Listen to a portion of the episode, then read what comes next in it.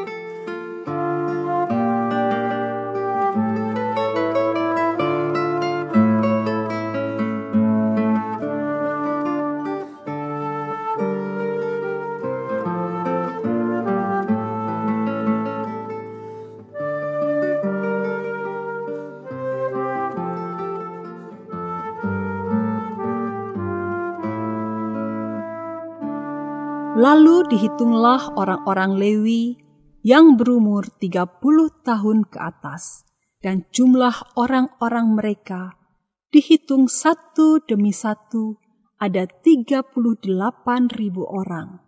Dari orang-orang ini, 24 ribu orang harus mengawasi pekerjaan di rumah Tuhan. 6 ribu orang harus menjadi pengatur dan hakim.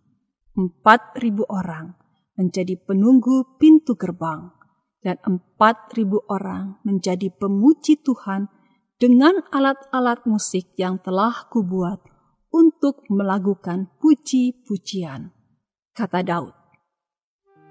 1 Tawarikh pasal 23 ayat 3 sampai 5.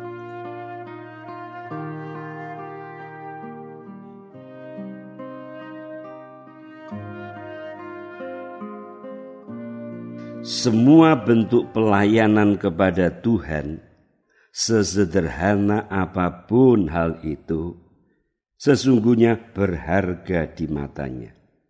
Acap kali orang menganggap enteng pelayanan yang dipandang sederhana.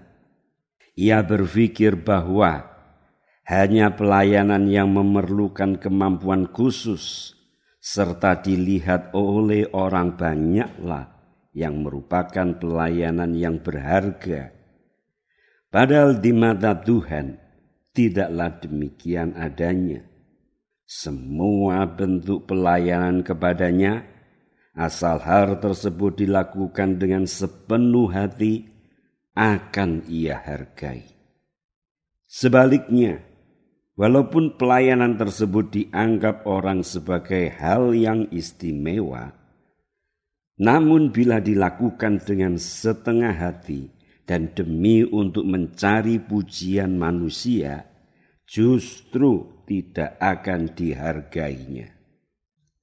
Penghargaan Tuhan terhadap pelayanan yang sederhana ini dapat dilihat di dalam satu Taware pasal 23. Di situ dicatat tentang pembagian tugas kepada orang-orang Lewi yang melayani Tuhan di rumahnya. Jumlah mereka yang ditugaskan untuk menunggu pintu gerbang tidaklah lebih sedikit dibandingkan jumlah mereka yang ditugaskan untuk memuji Tuhan dengan menyanyi dan memainkan alat-alat musik. Tentu menyanyi dan memainkan alat-alat musik memerlukan keterampilan yang lebih khusus dibandingkan menunggu pintu gerbang. Penempatan kedua pelayanan itu secara sejajar menunjukkan bahwa semua pelayanan berharga di mata Tuhan.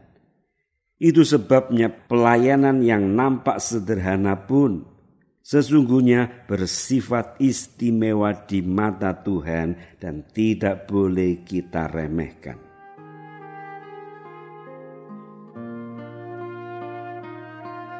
Sudahkah Anda terlibat di dalam pelayanan kepada Tuhan? Apabila belum, apakah yang harus Anda lakukan agar Anda terlibat di dalam pelayanan tersebut? Tuhan, Engkau telah menjadi teladan bagi diriku tentang hidup yang melayani di dalam pengabdian.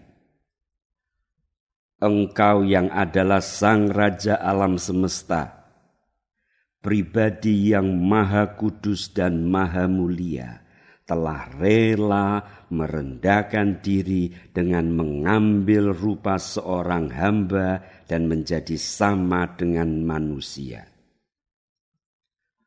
Engkau datang ke dunia bukan untuk dilayani, namun untuk melayani dan mengorbankan dirimu bagi manusia yang hina seperti diriku. Tuhan, Ajarlah aku untuk mengikuti teladanmu yang mulia itu dengan rela melayani di dalam kasih dan pengorbanan. Aku bersyukur karena engkau telah menolong diriku di sepanjang hari ini. Tuntunan dan penyertaanmu telah menjadikan hari ini sebagai hari yang tidak sia-sia bagi diriku, karena di dalamnya hidupku menjadi hidup yang semakin bermakna. Aku berterima kasih untuk semua pertolongan dan perlindunganmu yang telah kualami.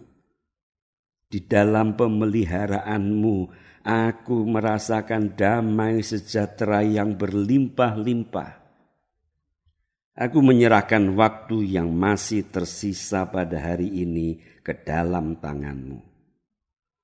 Tolonglah aku untuk menyelesaikan hari ini di dalam rancanganmu sehingga aku hidup dengan menyenangkan hatimu. Di dalam nama Yesus Kristus, Tuhan dan hamba yang mulia, aku berdoa. Amin. Berdoalah untuk orang-orang yang sedang memerlukan dukungan doa Anda.